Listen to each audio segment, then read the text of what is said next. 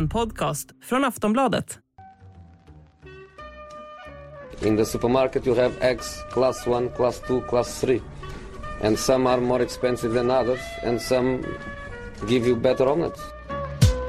That's the wrong information. Wrong, wrong, wrong information. I didn't say that. That's the wrong information. Do you think I'm an idiot? Wrong, wrong, wrong information. Now look at me when I talk to you.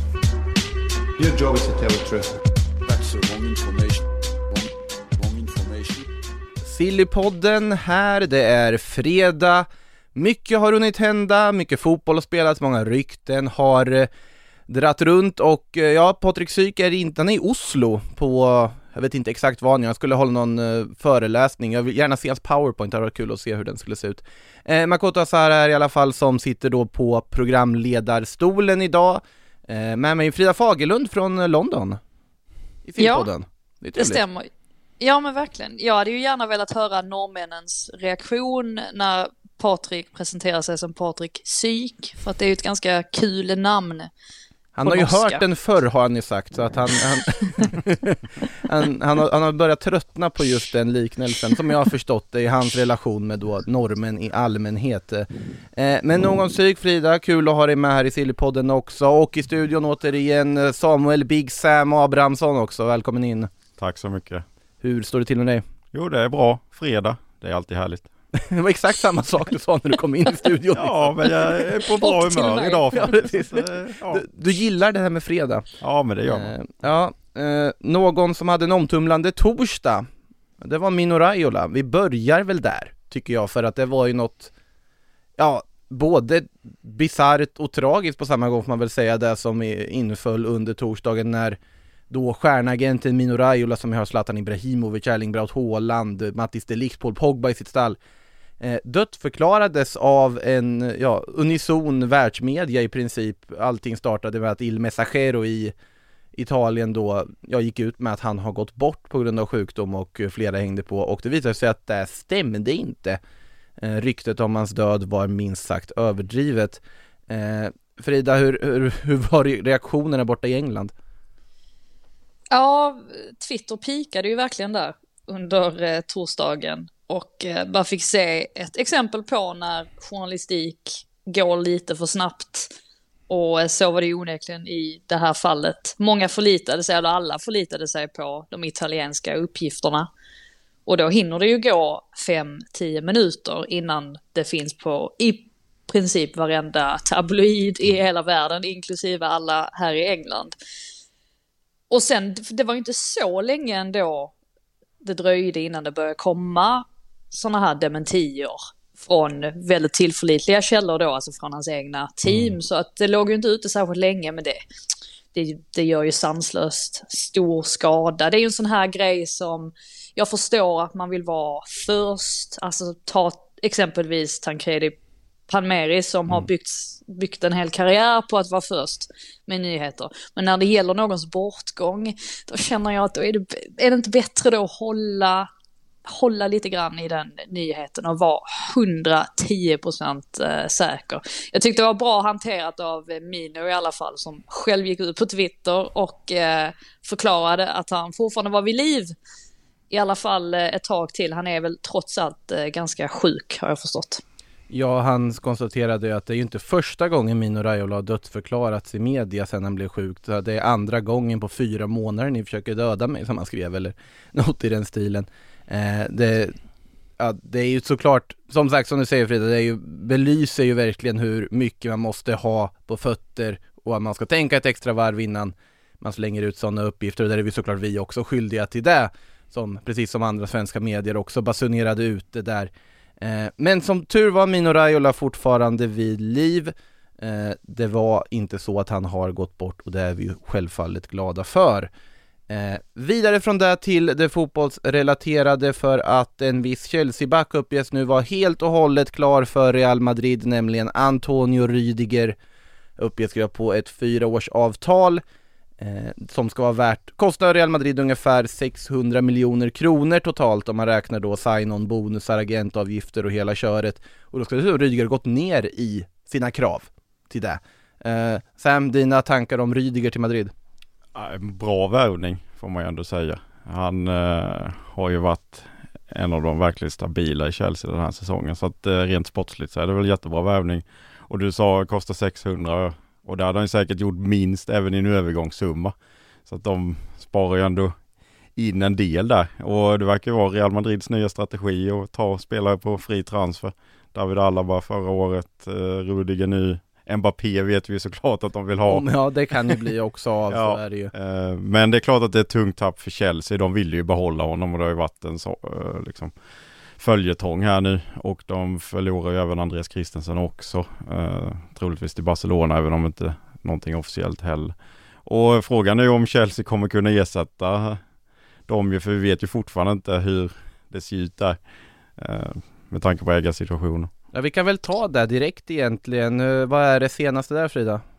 Ja, alltså att det, det verkar ju gå ganska trögt ändå med hela den här processen. Nu har jag inte läst det senaste just idag, men det ska väl komma besked ganska snart i alla fall. Eh, samtidigt som då Abramovic sägs ha höjt sitt, eh, sitt pris eller belopp för att köpa klubben, vilket inte direkt hjälper en försäljning om man nu vill att den ska gå snabbare.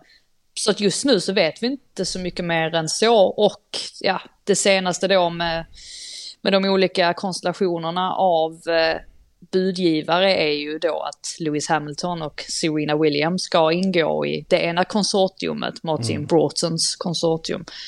Men eh, ja, mer än så vet vi inte just nu. Det går helt enkelt trögare än vad man kanske hade förväntat sig på förhand. Eller vad jag hade förväntat mig i alla fall. Och det är ju lite på grund av det här just att man fortfarande sitter i sitt som man gör som man inte kunde förlänga med Antonio Rydiger hur mycket man än ville. För det, är väl så att det är inte helt otänkbart att han hade stannat om man hade kunnat. Nej, alltså så som man har förstått det så är ju Rydiger dels oerhört uppskattad i klubben, alltså både bland de som arbetar där eh, och eh, lagkamraterna och inte minst då Tuchel. De två har tydligen en jättefin relation.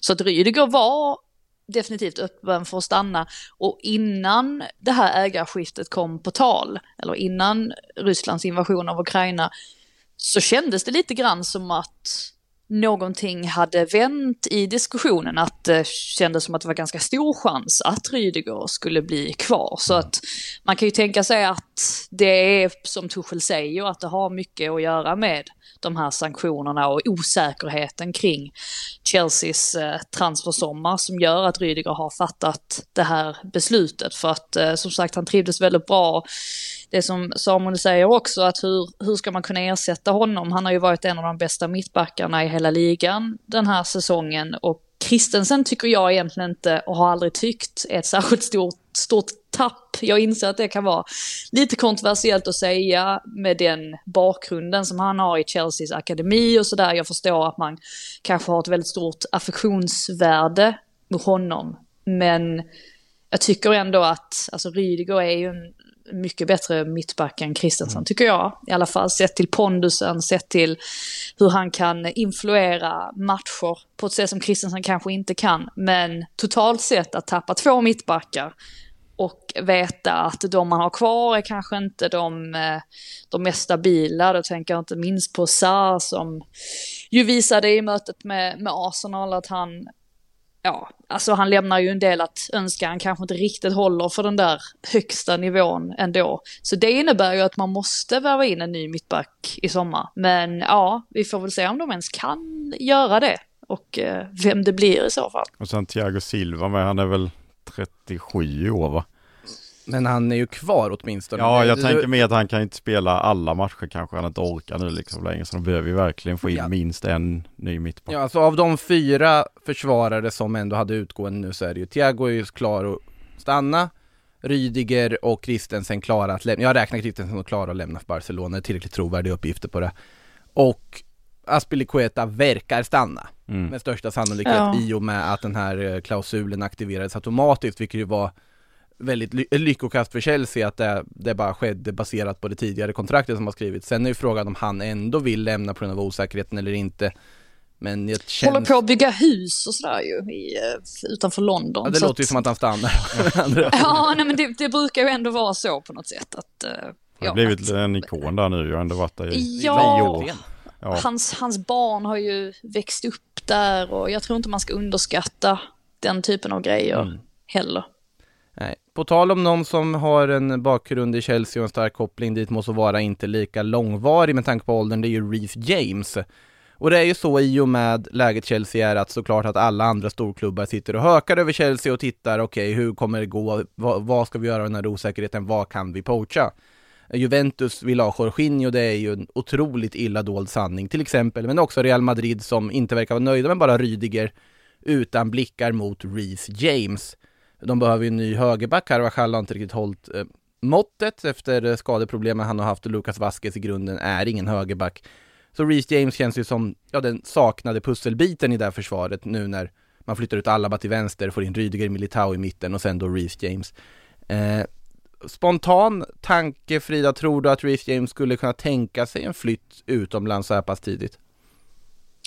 Man känner inte till så mycket om Reece James egentligen. Mm. Alltså, inte så mycket om människan Reece James, men med tanke på att han har varit så länge i Chelsea, att Chelsea alltid har varit en så stor del av hans liv, så har man ju ändå svårt att se att han skulle byta bort det bara sådär i en handvändning.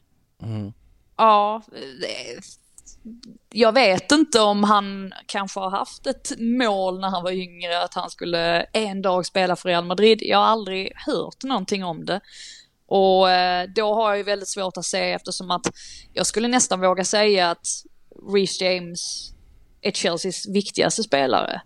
Eh, alltså det var när han blev skadad som det började gå ut för, för Chelsea i höstas och Tuchel eh, hyllar ju honom och ja, men ständigt på varenda presskonferens och sa väl nu för någon vecka sedan att han önskade att han hade två Reece James, att han kunde spela en på, som mittback och den andra som wingback. Så det visar ju vilken ja men, alltså vilken oerhörd betydelse han har för Chelsea, vilket får mig att tänka att det ska mycket till om det här ska ske. Det ska väl i så fall vara om, om det blir någon, ja men alltså någon prekär situation där på grund av eh, övertagandet och, och så vidare. Men jag, jag tror väl att James blir kvar. Mm. Ska se här hur kontraktslängden på honom är. Han har ju till 2025 så det är inte heller ett läge där man bara kan vänta ut ett kontrakt och de inte kan förlänga utan du måste ju köpa loss honom. Och Engelsmän måste, Engelsmän brukar ju oftast vilja stanna i England också ju. fast det har väl skiftat lite Ja det har skiftat nu. lite men Sen är jag ju inte tänkte- Reece James är ju inte någon som så här söker lyckan likt Tammy Abraham gjorde när han drog till Roma utan här är det ju en spelare som Nej, han är har- en av ja, världens precis. absolut bästa högerbackar just nu. Ja, Ja, han, han har ju inget behov av den flytten. Alltså när, när vi har sett engelsmän flytta utomlands tidigare, då har det ju varit de som inte fick chansen riktigt. Alltså som, ja men de lite yngre kanske som Jadon Sancho när han gick utomlands. Det var ju för att ge honom en, en eller sig själv en bättre chans. Samma sak i Tammy Abrams fall och i Tomoris fall. Men, men den situationen har vi ju inte riktigt med Reece James. Det är ju någon som har en otroligt hög status i Chelsea just nu. Så därav känns det ju väldigt konstigt att han skulle lämna för Real Madrid. Men som sagt, man, man vet aldrig vad som händer i den här världen. Real Madrid lockropen har ju lite subtilt redan börjat efter kvartsfinalen i Champions League när Benzema ganska strategiskt bytte tröja med just- Reece James. Vinicius var inne på hans Instagram-inlägg och kon- konstaterade att han gjort en fin match. Och lite sådär som man brukar se när eh, andra spelare också hjälper till i rekryteringsprocessen. men är det så att Chelsea ens får sälja spelare heller? Det får de väl inte? Inte just nu i alla fall.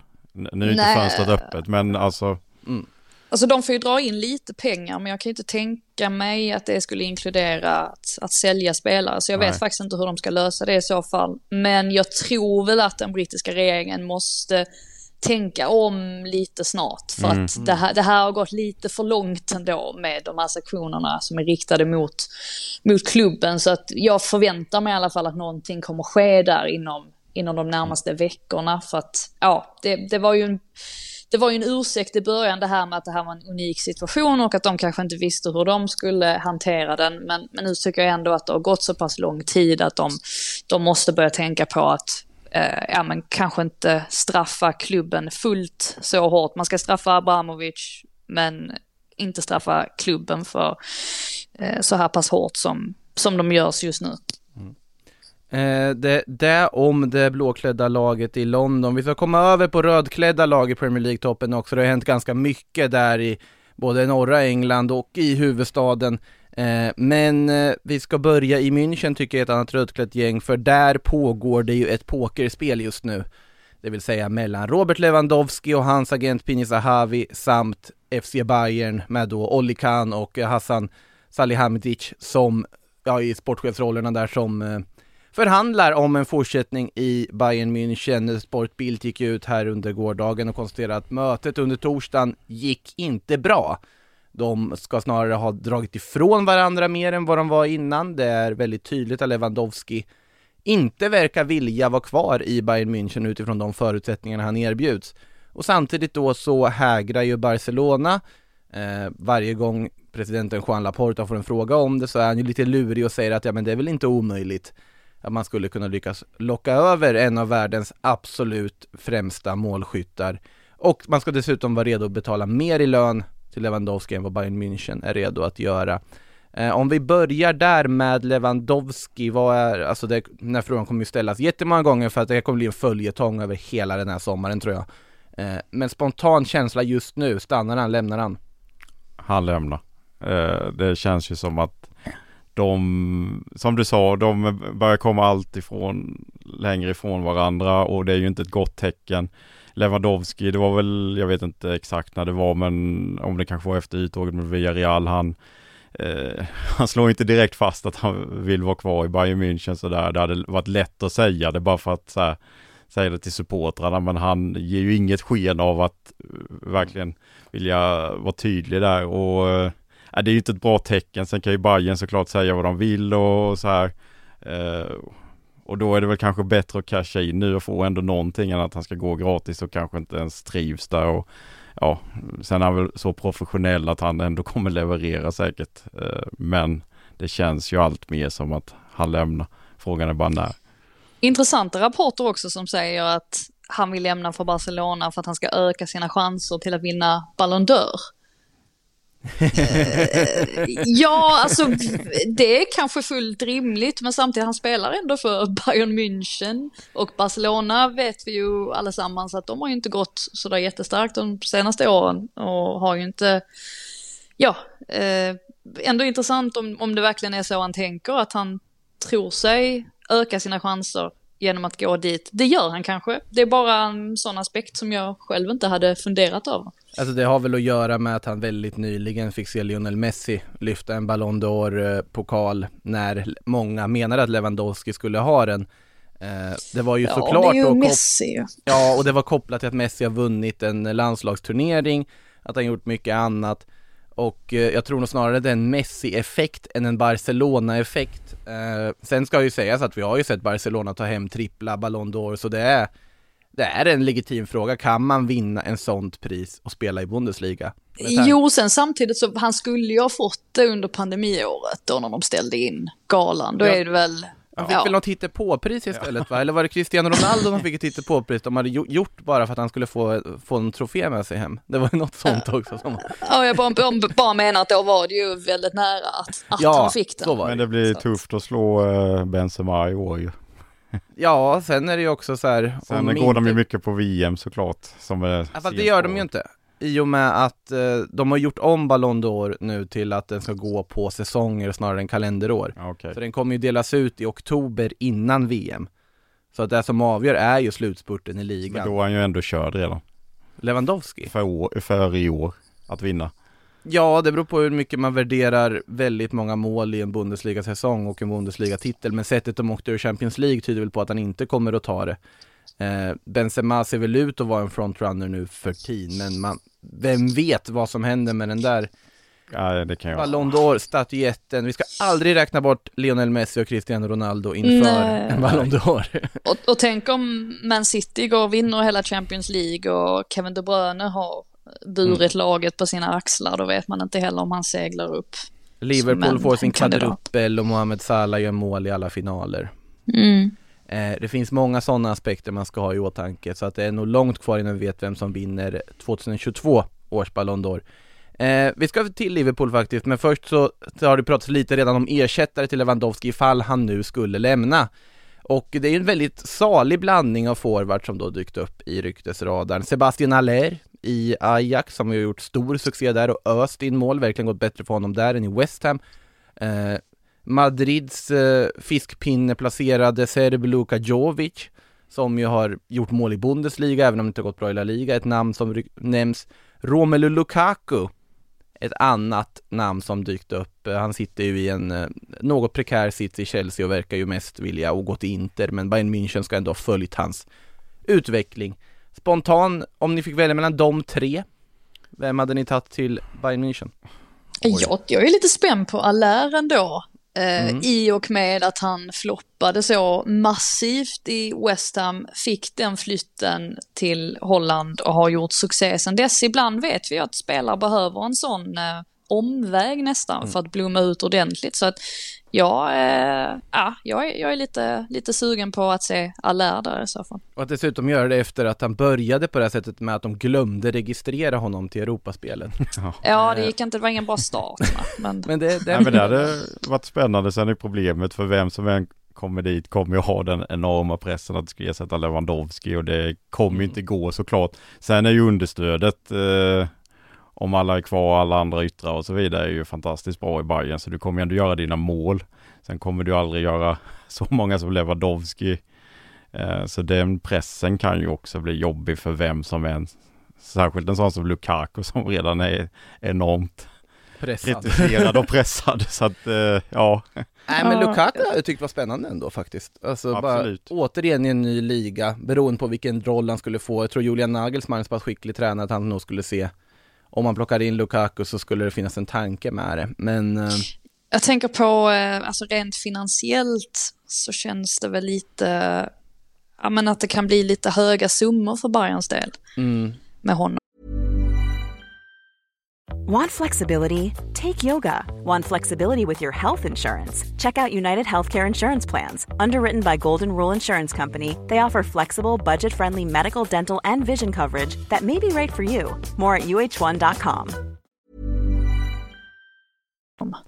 ja alltså eh, ja. Aller Jovic tyder ju på att det inte finns så mycket pengar att röra sig med, att det är de namnen som börjar nämnas. Det är ju ett tecken på att Mm. Bayern München inte har tänkt att eh, spränga banken för att för att ersätta Lewandowski i det här läget. Då är det sn- snarare bara genom en bättre lön och låta honom stanna.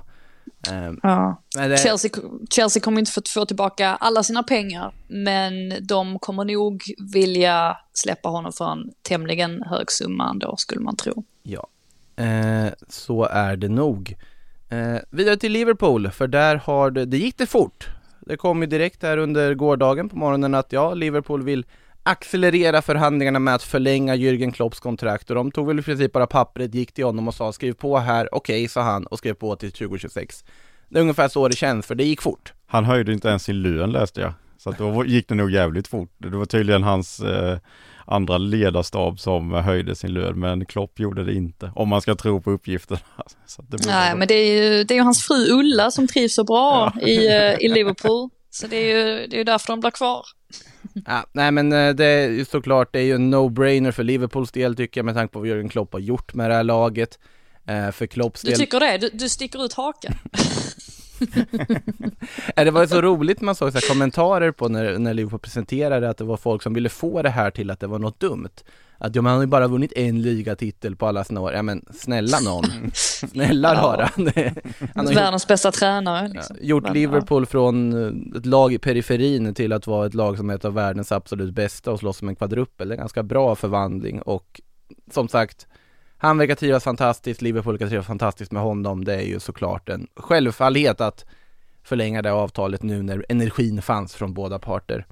Eh, jag vet inte hur lika självklart det var att Ralf Rangnick skulle ta över det österrikiska landslaget. Nej, det kom väl lite från ingenstans. Eller det kom ett rykte igår torsdag, idag fredag, klappat och klart. Och eh, liksom, det är sällan det går så fort. Alltså i, i media i alla fall. Jag är inte, jag är inte ett dugg förvånad. Inte ens, inte ens 0, inte ens 0,1 promille förvånad. Och jag vet inte om det är hälsosamt att jag drar en sån här rant till, för jag har redan gjort det i Premier League-podden vid x antal tillfällen. Men jag tycker ju mig se att Ralf Ragnik har spelat ett spel här och han eh, har i stort sett gjort det för att lite grann för att lyfta sig själv eller rädda sitt eget ansikte. Och jag, visst han sitter själv och säger att han fortfarande kommer att vara konsult för Man United, vad nu än det betyder. Jag tror inte att hans roll kommer att vara speciellt stor i, eh, i klubben, utan eh, han såg nog det här som sin chans att eh, få ett ordentligt jobb nu när han insåg att han inte skulle få det permanenta huvudtränarjobbet. Mm. Jag vet vi har pratat om detta jättemycket, ja. men, men det finns så många små ja, men små tendenser eller detaljer som man har sett sen han kom in som har gjort att man mer och mer har insett att dels var det här men ett, ett fullständigt felbeslut av United att plocka in honom från första början. Jag vet att det är väldigt många som vill att man eh, pekar på spelarna istället och, och säger att ja men spelarna gör ju inte som man säger. Som Ralf Rangnick har börjat göra också mer och mer. Peka ja, på spelarna. Men precis. Och absolut, alltså spelarna har ju också ett, ett visst ansvar, men det är ju tränaren som ska kunna motivera dem till att uträtta någonting på planen och det, det, det gör de, de spelar ju inte för honom. Och eh, ja, spelar inte för klubben heller. Och det som sagt, det är ju, det är ju kanske fel då. Eller det är väl klart att de ska kunna ge någonting för supportrarna och sådär, men jag tror helt enkelt att de är så fruktansvärt trötta på hans ledarskap. Och att det helt enkelt inte har blivit en perfect match. Så att eh, nej, med tanke på vad han har sagt utåt de här senaste veckorna, jag är också förvånad över att det är så många som hyllar honom för, att, för allt det här han säger om Uniteds ledning. För att man minns när en viss José Mourinho gjorde samma sak. Då, då tyckte folk bara att han gnällde. Ja men det är ju typ samma sak som Ragnik ja. säger nu ju. Och då ska han hyllas eller höjas till skyarna. Ja, jag vet inte, jag, jag, jag ser igenom det här. Det tycker jag. Eh, jag tycker att det är lite av en lite bluffvarning. Alltså, det, det sjuka i det här på något sätt, att här kunde man ju bara gjort ett clean slate. Även han tog över ett ärofyllt landslag med allt vad det innebär. Tack Ralf för din tid här. Nej, han kommer fortsätta vara konsult för Manchester United medan han har österrikiska landslaget. Det är så här, varför? Alltså, ja, och, och, och, vi vet ju också att det kom uppgifter om att, ja men vad kommer den här konsultrollen innebära? Ja men för typ en månad ja. sedan. Och då var det ju någonting sånt där att ja, han kommer jobba fyra dagar i månaden. Mm. Alltså det var ju något sånt helt bisarrt.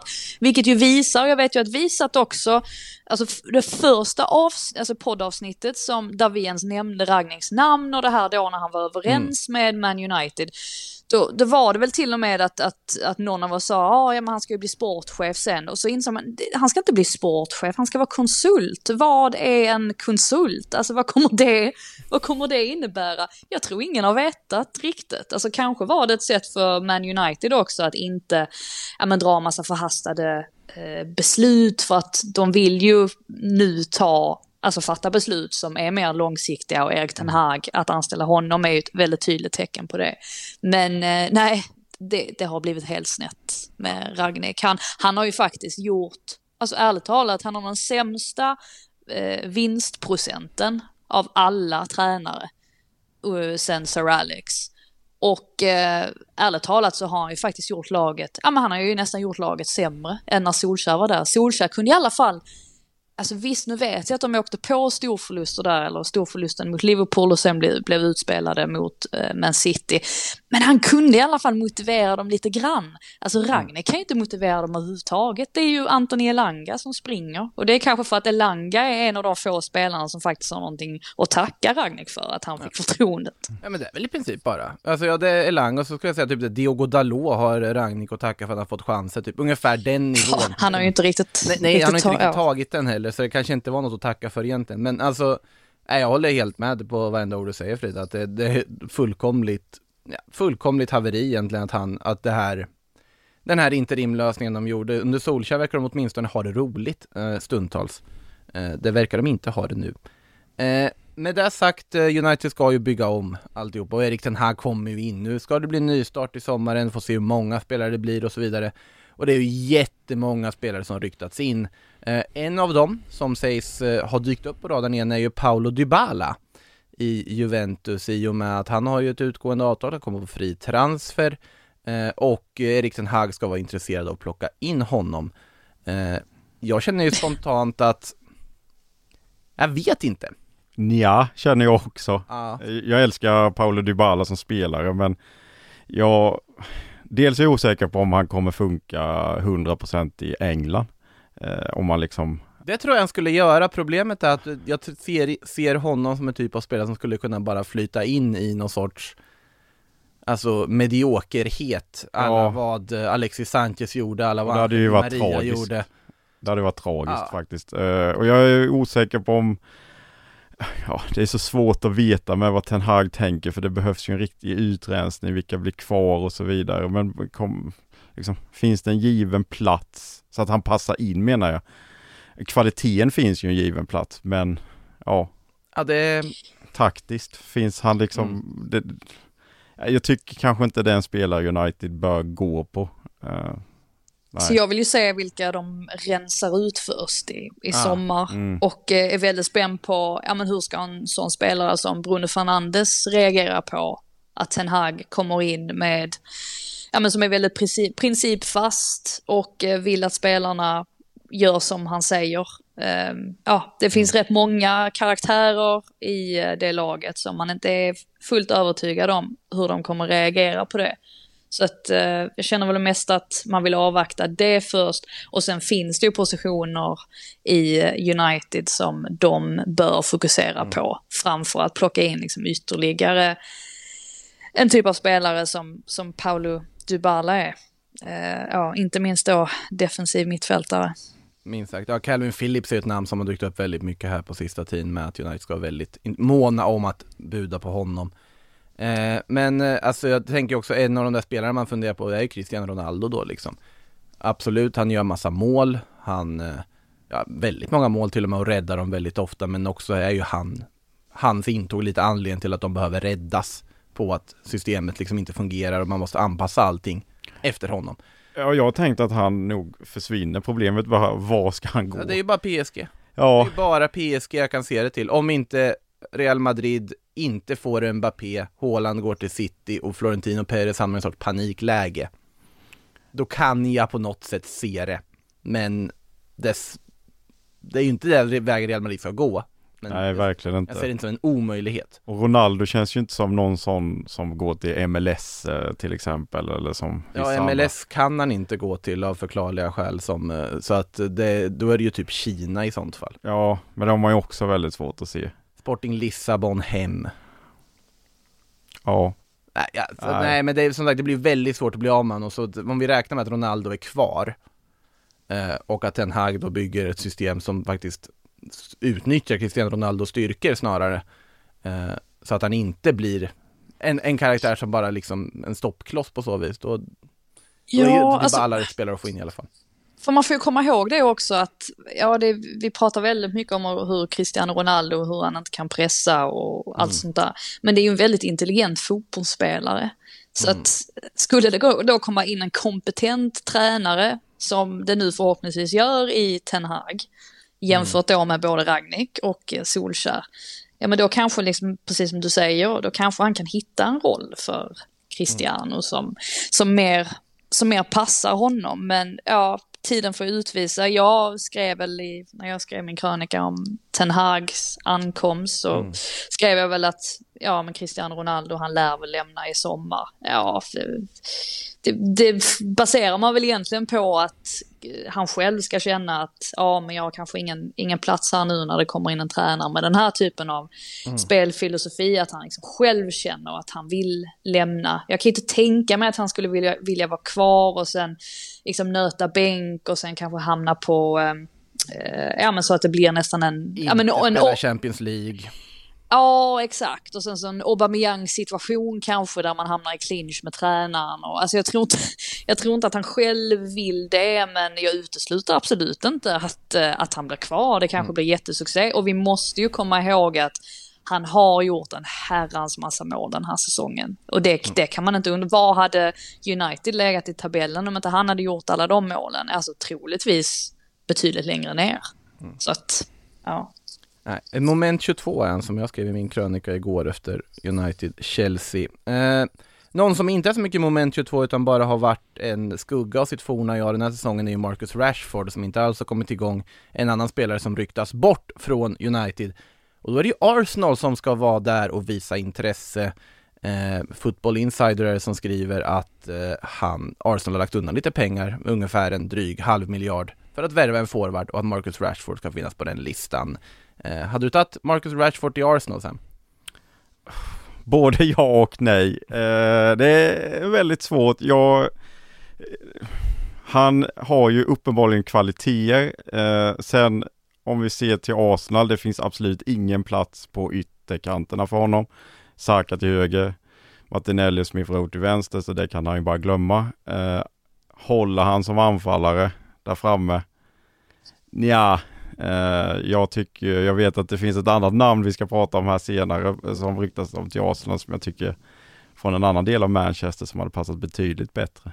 Ja, men vi kan väl säga att det namnet är Gabriel Jesus direkt då, för det är en annan spelare som också har ett kontrakt som går ut 2023, som också spelar i en Manchesterklubb, också har haft lite sparsamt med speltid från och till, men som också ryktas bort och också ryktas vara aktuell för Arsenal. Ja, där finns det väldigt trovärdiga uppgifter dessutom att han redan är överens med Arsenal om det personliga kontraktet. Det är ju Atletic som skriver det och då brukar det stämma. Eh, och han känns ju som verkligen en perfekt eh, match för Arsenal med tanke på att Ateta hade honom eh, i City och ja, de känner varandra bra. Sen tror jag mycket kommer avgöras om Arsenal går till Champions League eller inte. För jag vet inte tusan om Jesus är så sugen på Europa League kanske.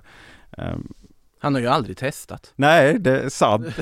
det kanske är skitkul. Ja. Nej, men det känns väl dessutom ett jäkligt bra pris skulle det vara eh, med tanke på mm. hans utgående kontrakt och alla vet ju att Håland troligtvis kommer gå till City så att det finns ingen plats för Jesus så att det känns väl allt mer som att det faktiskt blir så. Eh, håller du med Frida? Ja, nej men det gör jag väl. Um, är väl inte riktigt, alltså Jesus han kan ju också spela lite, lite var, bli placerad lite var mm. som helst av Guardiola så att det är inte så att han liksom alltid spelar centralt utan han kan ju liksom utgå från kanten också. Eh, så att han är ju väldigt eh, flexibel på det sättet. I, I Rashfords fall så tror jag väl visserligen att jag får känslan av att någonting har hänt, alltså utanför planen. I alla fall när man pratar med folk och särskilt personer som man vet om, alltså har en väldigt stor inblick eh, i just United att eh, och kanske har rent av har kontakt med honom, alltså gamla spelare och experter och sånt där.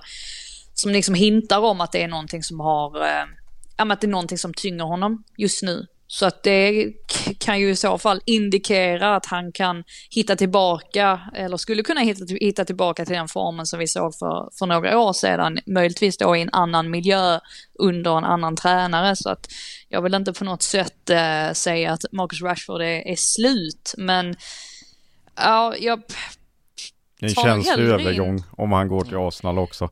Ja, och sen så känner man väl med just Jesus att, eh, alltså honom har jag känt lite grann att, ja men gör han tillräckligt många mål? Och nu på sistone så har han ju ändå Alltså då har han ju gjort en hel del mål, inte minst då fyra stycken härom, eh, härom veckan. Eh, för att alla de här ryktena om Dominic Calvert-Lewin, alltså honom är jag inte honom känner inte jag mig helt säker på, särskilt inte nu efter skadan. Han har inte riktigt liksom kommit upp i, i den formen som han var innan dess. Så att skulle man välja mellan de två, även om Dominic Calvert-Lewin är en, en renare nia, alltså då tar jag nästan Jesus ändå. Men eh, ja. En som det också börjat snackas lite mer om till Arsenal nu är ju eh, Oshimen i Napoli. Men det blir ju fruktansvärt. Jag tänkte precis säga det, det är ju en helt annan prisklass eh, än Jesus för att där snackas det om 100 miljoner pund. Jag, tyck, jag tycker inte han är värd de pengarna. Jag tycker verkligen inte att det, jag, Och där kan vi också lägga till bara att det är United och Newcastle också snackas om. Ja, nej, jag tycker absolut en väldigt duktig forward, men tycker absolut inte att det är en forward i en miljardklass. Då tycker nej. jag snarare att Alltså scenariot man ser framför sig är ju att alla de här lagen som slåss, vill ha en forward kommer slåss om Darwin Nunez. Eh, sen vart Darwin Nunez hamnar tror jag kommer att styra lite vad som händer i övrigt. Om Arsenal då bara väljer att gå på Gabriel Jesus-spåret, säkra en anfallare man vet ändå levererar i Premier League, det är ett ganska smart sätt att göra att inte behöva lägga massa kraft på något annat. Sen behöver de kanske två forwards. Ja, det, sen snackas det mycket om att Arsenal har siktat in sig på att värva spelare nu med PL erfarenhet den här sommaren. Typ Ruben Neves som Ja, Jure. Thielemans, Ah. eh, Gabriel Jesus, ja Marcus Ra- Rashford passar ju också in där. Man vill inte göra PP-misstaget i, igen. Nej, det, och där snackas ju om att han ska lämna till sommaren och det blir intressant att se hur Mm. mycket man kan få tillbaka där. Det blir väl en knappt en Jag tycker- tredjedel kanske. Jag tycker det är rätt synd ändå för att PP han har ändå visat i omgångar alltså vilken, vilken hög nivå han kan hålla. Så att det skulle inte förvåna mig om han lämnar för någon annan liga och gör fullständig succé. jag- Men under jag Arteta har han ju inte riktigt, alltså Arteta och honom har ju inte riktigt gått ihop. Jag gillar också PP men eh, och nu är ju problemet att nu spelar ju Saka på hans plats och då går det ju inte att ta tillbaka den egentligen. PP plus lite mellanskillnad för Jonathan David. Skicka tillbaka PP till Lill. Absolut, Ja, varför inte? Om de nu vill värva från Lill igen. Ja, det det kan bli en sån där en Dombele-effekt kanske också. Ja. Eh, där Nej. man lämnar Premier League. Så är det. Eh, nej men Arsenal som sagt på forwardjakt, det visste vi sedan tidigare. Några som kan dyka upp på någon sorts forwardjakt i framöver är faktiskt Milan också, för där är det också ett ägarbyte som kan vara annalkande. För det är ju Bahreinska Investcorp som har, är i förhandlingar om att köpa klubben. Och om det nu skulle bli Bahrainskt ägarskap i Milan så har det rapporterat att det kommer att bli en rejäl summa pengar som tillsätts för att värva spelare. Det pratas om alltså en transferkassa på 3 miljarder kronor som Milan får leka med då till sommaren. Och då har du lite större namn som börjar kopplas samman med klubben också nu när de slåss om scudetton, med, kommer ta Champions League-plats i nästa säsong och har någonting spännande på gång framöver. Och då är det bland annat lite Manchester City-namn som dyker upp. Såväl Riyad Mahrez som Raheem Sterling har kopplats samman med en eventuell flytt till San Siro. Eh, ser du det som möjligt att någon av de två skulle lämna redan i sommar, Frida? Och förlåt, vad sa du nu? Alltså jag såg en jätterolig tweet. Så att jag, eh, förlåt, alltså den var så rolig. Det handlar om Ralf Ragnik också, så att det var, det var relaterat. Men jag Men kan då- ta den Eh, pucken annars istället. Ja men ta, ta, Ja. ta pucken och sen får du berätta om din tweet Frida. Ja, jag ska läsa upp den. Nej men båda skulle väl vara jättebra i Milan eller det är väl det, de spelartyperna de behöver, Mares och Sterling. Eh, Sterling är ju, alla vet Ah, okej. ju, upp och ner, eh, fantastisk när han, då är han en av de bästa i världen där, han är i form, sen eh, är han ju tyvärr, har ju de här dipparna ibland. Eh, och Mares, ja han levererar ju alltid. Det är lite svårt för honom ibland, lite för självisk spelare. Det såg vi Men inte minst mot Real. Men... Jag tänkte precis säga, jag tror att Guardiola vill skeppa honom efter, eh, efter att inte ha spelat in bollen. Ja, det var ju Eh. flera gånger han borde ha gjort det mot Real. om vi... Men han är ju absolut en jättebra spelare och skulle ju göra skillnad i Milan. För att eh, det är imponerande att de håller på att vinna Serie A med jag tycker en offensiv som ibland, ja det är ju framförallt försvaret som håller på att ta dem Alltså till problem, de har ju Rafa Leao som kan göra det där alldeles extra. Ja. Han, det, där får vi se om han stannar också, för det finns ju intresse med, av förklarliga skäl, det är en spelare jag verkligen gillar. Eh, sen tycker jag väl inte att Brahim Diaz riktigt håller för 10-rollen, där skulle de kunna vilja ha in något nytt. Men andra kanten är ju ett sorgebarn. Ja, Alexis Sellemäkers är medioker till max, alltså han är ung såklart och lovande spelare men jag tycker att högsta nivån, alltså spetsen finns inte. Samu Castillejo ska vi inte prata om, Ante Rebic jobbar alltid hårt men ja, så vem de än skulle få in där så är det nästan en förstärkning känns det ju som. ja och då kanske jag skulle föredra Mares på att få en högerytter som kan skapa saker på den kanten för de blir väldigt låsta till att använda vänsterkanten på att det är där de har Theo Hernandez, det är där de har Rafa Leao. Och att då blir de ganska lättlästa på så vis. Det skulle vara kul med Mares och Leao på varsin kant för då kan ju Ja. precis vad som helst hända. Äh, varit underbart att se. Men eh, grundfrågan är, tror du City kan tänka sig släppa dem Frida? Man vet ju aldrig med City heller. Det verkar ju ofattbart att de, alltså nu med tanke på alla Jesus-rykten, alltså de kan ju inte släppa både, ska de släppa Jesus och Mares och, och Sterling, alltså det kommer ju inte hända för att de, det är ju redan så faktiskt att visst man kan skratta åt det här men de har inte haft en så bred trupp på sistone. Alltså det räcker ju att någon är, någon är borta, någon, det finns någon skada på någon. Eh, ja, men så, så, så finns det ju faktiskt lite, lite hål ändå i den där truppen trots att alla spelare har, alltså att de har kostat så mycket och de, de värvar i stort sett vad, ja, eller får i stort sett vad de pekar på. Eh, och inte, inte minst då eftersom att man eh, ja, alltså att man sett, eh, släppte Ferran Torres exempelvis. Det är ju en sån grej som, ja men de kanske ångrade sig lite ändå ett tag, att de kanske ändå hade velat ha honom som, eh, som ett alternativ. Så att jag, jag tror verkligen inte att alla de här spelarna lämnar, men eh, det kan nog ske en liten rokad för att som sagt, som i Ferran Torres-fallet så tänkte man väl att det kanske också var lite oväntat ändå att han fick lämna. Så att sådana där saker gör ju City och det brukar ju gå bra ändå för dem. Eh, tänkte vi skulle ta oss vidare en liten kort sväng till Spanien innan vi går till lite lyssnarfrågor. Eh, för i Sevilla så har Ludde Augustinsson det lite tufft, åtminstone så är lokaltidningen ute efter honom. Eh, Estadio Deportivo, då den andalusiska lokaltidningen konstaterar att Sevilla letar efter en ny vänsterback till sommaren. Och med därmed anledning att de tycker inte att Augustinsson har lyckats konkurrera på allvar med Marcos Acuna och att han har sjunkit ner till då tredje valet på den positionen i och med att Karim Dekik oftast används och flyttats ut till vänster när Acuna inte varit tillgänglig. Eh, så min spontana fråga här är egentligen om Ludde Augustinsson då skulle kunna få en flytt eller om det skulle bli en flytt, vad, vad hade varit en passande miljö för honom? Åh, tillbaka till, eh, till Bundesliga eller? Ja, där gick det ju bra, tänker jag. Ja. Eh, det är ju synd att det inte lossnade för honom i Sevilla riktigt, eller inte har gjort det än. Sen. Ändå fått rätt mycket speltid men då har de väl kommit fram till att de inte tycker han håller helt enkelt. Och det är Ja. ju trist ju för att han har ändå spelat mer än vad jag nästan trodde inför säsongen. Han fick inte starta så mycket heller i Han kunde ju början. haft en del skadeproblem Ja. också. Det har ju funnits många, alltså Lopetegui har ju inte varit främmande för att rotera i truppen heller inför viktiga Europamatcher och så vidare. Eller om man stannar Ja. i Spanien och går ett hack ner liksom. De har de råd med den lönen? Nej det är väl det kanske. Eh, Men de har råd i an- England och Tyskland i alla fall. Där kanske Ja, det är ju, det är ju antingen det är kanske Championship i så fall. Eh, alltså Ja. någonting sånt. Sen tänker man ju på den här eh, Emil Kraft-effekten. Eh, Den, den senaste månaden som ju helt plötsligt som har gått från medioker till att fullständigt dominera på, eh, på högerkanten. Man är ju så glad för det. Man är så Ja, glad nu är det nästan som man tänker, alltså, hur ska Trippier kunna komma in där och roffa åt sig den platsen igen? Det, han kommer inte ge upp den så enkelt i alla fall, den gode kraft. Så att, eh, jag Ludde vet till inte. Newcastle då, så vi får en svensk på varje kant. Ja, precis. Det är ganska svårt att konkurrera ut taget. Ja, det är det. Target också, alltså, Ja. jag gillar honom. Det, Men det är ju ett lån, men de lär väl bra. Köpa loss honom i ja, det, det är konstigt annars. Ja. Jag, ty- jag tycker om Target. Um, vi får se vad som händer med Ludde Augustinsson i alla fall. Uh, ska jag slänga in bara så här, Serie A kanske, bara för att testa. Ja, Alltså nu har han ju bott i Sevilla och det ska ju vara en väldigt trevlig stad om man gör så. Nu vill man ju att han ska få en bra, Fiorentina. Florens eller något sånt kanske. åh, Nu, vad, vad har de för vänsterback? Står det still? Biragi som är lagkapten. Ja, det var inte så bra val då. Jag tar tillbaka det kanske. Men miljön att bo i. Ja absolut, finns några andra miljöer i Italien att hitta också Ja. som kan vara trevliga. Eh, vi tar väl lite lyssnarfrågor, vi börjar med en från Arvid Svensson, för det var en annan punkt på schemat, men vi tar det som en fråga istället. Arv, han frågar i alla fall, Isco till Bettis, sommarens roligaste värvning. Eh, han är ju inte, han sägs ju vara överens med Bettis, han har ju ett utgående avtal med Real Madrid och kan lämna gratis. Och då kan återförenas med Manuel Pellegrini.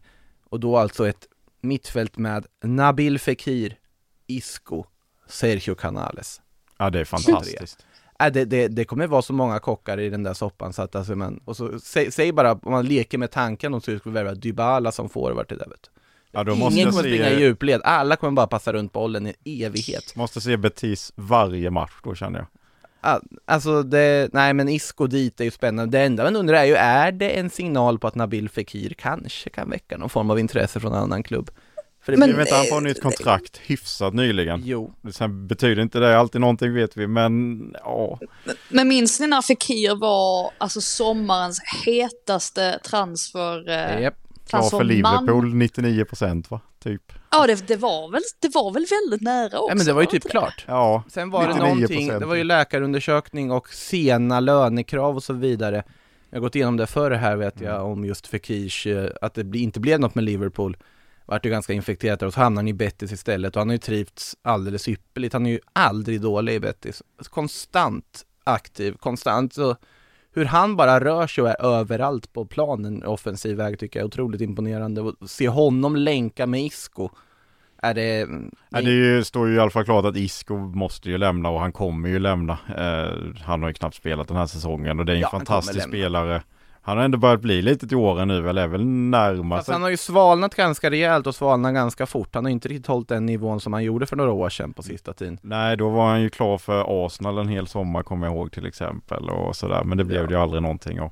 På den fast- tiden Arsenal skulle ha alla tior som har svalnat lite. Som Ja. Det fanns ju en sån period. eh, Sen, sen måste man väl säga att alltså, Joakim bara, är inte han vår allas role model ändå? Alltså det finns ju ingen ja, spelare som... Ja. ja. Ja. Så, det finns ju ingen spelare man unnade så mycket, liksom att, att vinna en titel efter 17 år eller vad det nu var, som, som honom. Det var fint att se. Ja. Och det mest väntade pokalbilden någonsin var ju när han står naken med trofén. Precis som han gjorde med Valencia 2009. Nej, Jag vet, jag vet inte vad jag tycker om det ändå. Nej, det, det, det, det, absolut, kör.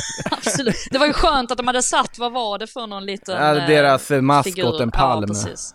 En palm, ja just Ja, det. ja det, det, det hade ju varit lite sjukt om de inte gjorde. Eh, Mm. Ska han fortsätta spela? Joaquin, ja, han kör ett år till säger han. Underbart. Han sa ju det, varför håller ni på att säga att jag ska sluta för? Jag ska köra ett år till. Ja, jag missat det. Han har ju ändå spelat matcher och faktiskt, alltså det imponerande med honom är ju också att han har ju fortfarande en viss speed kvar. Han har ju teknik kvar, han har genombrottskraft, han har vilja kvar, han ser ju inte ut att vara 40 när han spelar på något sätt. Nej. Fyller snart 41. Och gör det i Bettis, eh, betyder ju så mycket för dem på alla sätt och vis. Och nu när de får vinna en titel tillsammans, han ska ut i Europa med dem igen, är det, är det otroligt vackert på alla sätt och vis det, det som han åstadkom med Bettis där, den historien om Joaquin. Eh, bra, bra input Frida. Eh, vidare till en fråga om Tottenham. Det är Kristoffer Fredriksson som frågar eh, att eh, han tycker det saknas kreativitet på mittfältet. Ytterbackarna håller inte klass för en topp 4-klubb. En mittback behövs, inom parentes Skriniar. Vad behöver vi fylla på och vilka spelare? Frågar då alltså Tottenham-supportern Kristoffer Fredriksson.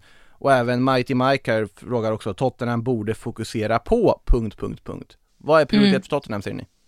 Att eh, få in en, en kreativ mittfältare. Ja. Egentligen så är ju, alltså när man tänker på Christian Eriksen, han är ju egentligen den typen av spelare som de hade behövt. Alltså någon som kan eh, liksom länka, vara den som länkar upp istället för Harry Kane då.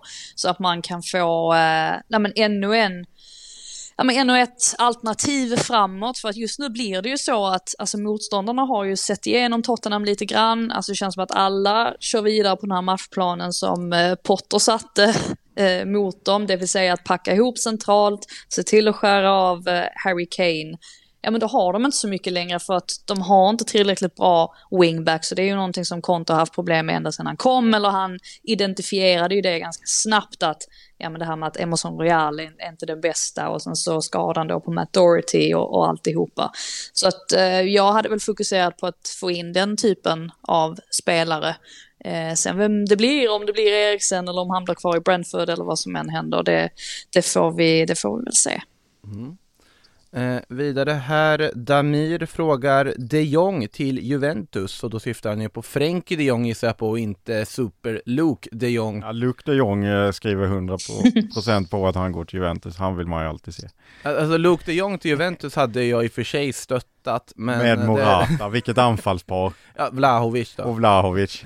Eh, nej, nej, det kommer det är väl Frenkie de Jong som åsyftas här i alla fall och Frenkie de Jong har ju ryktats en del kring Manchester United, det är ju en klubb som Men uppges- Xavi har ju också varit ute och sagt, jag vet inte hur många gånger som helst, han ska ingenstans. Nej, men det är intressant, det kom ganska trovärdiga uppgifter från Spanien om att Frenkie de Jong själv ska vara väldigt förvirrad över alla de här ryktena. Att han själv var ju tänkt att stanna i Barcelona men att han misstänker att det är Barcelona själva som planterat dem. Mhm. För att de kanske skulle vilja casha in på honom i och med att man har Pedri, man har Gavi, man har Nico, man har inte så mycket pengar. Kessie ska väl in i sommar. Kessie ska in. Det är trångt på Busquets är mittfältet. fortfarande bra. Eh, så att, att det kan finnas en vilja från Barcelona att bygga upp en hype för att kunna få bra betalt för honom. Sen är ju de Jong en fruktansvärt Barcelona-kompatibel spelare. Så att jag tycker, och han är fortfarande ung. Ja, jag- ja, sen är ju frågan om, om beroende på vad det möjliggör för andra saker. Ja, Om det finns ett läge att casha in och hur mycket om de pengarna behövs för att få Lewandowski så kanske man ska göra. Ja fast det är väldigt kortsiktigt tänker jag, då är det snarare att man bara för att se till att typ Ja Araujo är ju säkrad nu, han har skrivit på nytt, säkra Gavi också. Ja. Eh, Oavsett, eh, får se, men just Juventus tror jag inte kommer vara aktuell, då tror jag snarare att det skulle kunna vara United, men det är ju för sig avsaknad av Champions League-spel. Hur Det mycket beror ju kommer också det på påverka? lite vad, på tal om United med Pogba om han ska stanna där. Och det är ju också en som ryktar till Juventus just ju. Ja, och kanske framförallt i PSG för Pogbas del på sista Ja. tiden. Och även Real Madrid är ju med i den där matchen enligt mycket uppgifter. Så att det, det kommer flytta sig lite bland mittfältarna, gissningsvis. Eh, Andreas Budd konstaterar bara att fina Fabian Schär har förlängt med Newcastle. Eh, Det Mm. kan vi Mm. konstatera också. Det var ju en fin förlängning för dem. Eh, Han har höjt sig ändå, Det har han. jag. Det har han. Sen Howe kom in. Mm. Sen han fick Dan Burn bredvid sig. Vem höjer sig inte med Dan Burn som sin kompanjon? Ja, nu har de ändå lite, för att Lasells bredvid Bön funkar ju också faktiskt. Så Mm. nu har de ändå lite alternativ där. Vi kan eh, ta en faktiskt en sista fråga som också kopplas till Newcastle. För Swedish Magpie frågar, Newcastle ska ha in en ny nia i sommar, alltså motsatt sida av planen. Vilka rimliga alternativ skulle ni se vara möjliga? Ja, vad är rimligt egentligen? De kan ju betala hur mycket som helst. Victor Men Osimhen? det- Ja, jag har ju lyft en Ja. anfallare i podden här förut till Newcastle eh, och det var ju om Everton åker ut så sa jag Calvert Lewin till Newcastle. Mm, Eh, jag är inte helt främmande för den idén. Jag kittlas ändå lite av det för att jag, han kommer inte bli kvar om Everton åker ut och jag tror tyvärr att Everton åker ut. Du tror du mer det? Ja, jag har sagt det ett tag nu och jag står fast vid det. Eh, men eh, nog om det.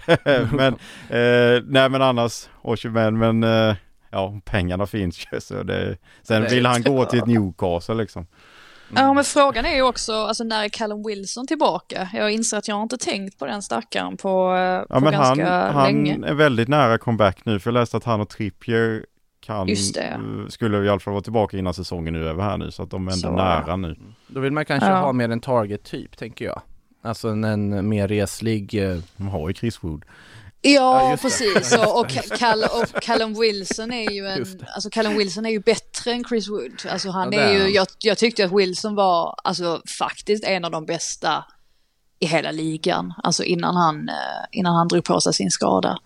Så att eh, just på- därför har jag inte tänkt så mycket på, på anfallsalternativ för deras del. Det beror ju bara på också om de vill göra en sån riktig statement-värvning nu för att visa att vi är på riktigt eller om man kan nöja sig med Mitrovic igen. Ja, jag- liksom om man nöjer sig med inte- mer, liksom, Khalid Lewin är väl kanske inte ett sånt namn som Oshimen skulle ändå vara en mer håll käften Lewin tycker jag är en ganska tydlig state, eh, alltså Ja, statement ändå. Men, ja, exakt. Det, det beror lite grann på vad man menar. För att jag tror inte att de kommer göra liksom, eh, alltså värvningar bara för att. För de, de hämtar inspiration från Man City. Och Man City har ju inte riktigt... Alltså de har ju ändå pinpointat vilka spelare de vill ha, alltså utifrån alltså, Guardiolas eh, spelsätt och så vidare. Det, det är ju inte riktigt som när ja, men United kändes som att de plockade in spelare bara för att, ja men som Cristiano Ronaldo-fallet, där man kanske inte tänkt riktigt på vilken roll han skulle ha i laget, utan det handlade mest om namnet. Jag tror inte Newcastle kommer, kommer vara på det sättet. I så fall kommer man ju snarare lägga stora pengar på, på lovande spelare. Eh, och jag menar Bruno Gomareis har ju, han har ju varit en fullständig succé än så länge, så att eh, de har ju uppenbarligen, eh, uppenbarligen en ganska god scoutingverksamhet ändå. Verkligen. Eh, det ska bli spännande att se vad de hittar på här i sommar. Eh, vet ni vad, tiden har börjat rinna iväg här. Eh, otroligt imponerad av er lyssnare som verkligen dundrade in frågor här. Bara kanske för att jag skrev också, skicka dem fort för jag glömde skicka ut frågetråden innan vi började och körde igång ganska sent. Men frågor fick vi och det tackar vi för, han dock inte svara på alla. Med det så tänker jag att vi tar helg, Frida. Väntar, väntar någon kul fotboll för dig i helgen? Ja, det blir, eh, det blir tillbaka till London Stadium på söndag för London-derbyt. Eh, så West Ham Arsenal. Så det blir, eh, det blir kul. Inte dumt. Djurgården-Sirius kontra jag med, men det, det är inte, kanske inte riktigt samma. samma. Ja men det är ju ändå, det är ju ändå underbart. Alltså man, är ju- eh, ja. ja och jag, man får ju upp så här, eh, min, en av de grejerna jag brukar göra dagligen, det är att gå in på så här, eh, ja men du vet, eh, på Instagram när man kan se liksom tillbaka blickar från tidigare år. Och då är det väldigt ofta, för jag är ju så tråkig, jag lägger ju nästan bara upp när jag är på matcher och sånt. Och så är det nästan, nu är det, alltså kring den här tiden så är det alltid mycket allsvenska matcher som kommer upp. Ja men så Stockholms derby och, och ja, men de större matcherna, liksom Malmö, AIK, vad det nu kan vara. Och man blir lite sådär, lite sting i hjärtat ändå, för det är något speciellt med svensk fotboll kring den här tiden. Jag vet inte, den är, den är vacker på något sätt, den har, den har sin charm, den är någonting annat jämfört med Premier League och så här. Onekligen är det så. Den, den ska vi värna om också, det som vi har här i Allsvenskan med supporterkulturen och allt som hör till. En väldigt fin liga att vara stolt över. Eh, med det sagt, tack Sam ska jag säga också. Tack så för mycket. att dyka upp. Du är alltid välkommen tillbaka som du vet. Eh, Sillypodden åter här i etern nästa vecka. Tills dess, ha en underbar helg och valborg så hörs vi snart igen. Hej då! In the supermarket you have eggs class 1, class 2, class 3. And some are Du har lyssnat på en podcast från Aftonbladet. Ansvarig utgivare är Lena K Samuelsson. I didn't say that. That's the wrong information. Do you think I'm an idiot? Wrong, wrong, wrong information. Now look at me when I talk to you. Your job is to tell the truth. That's the wrong information.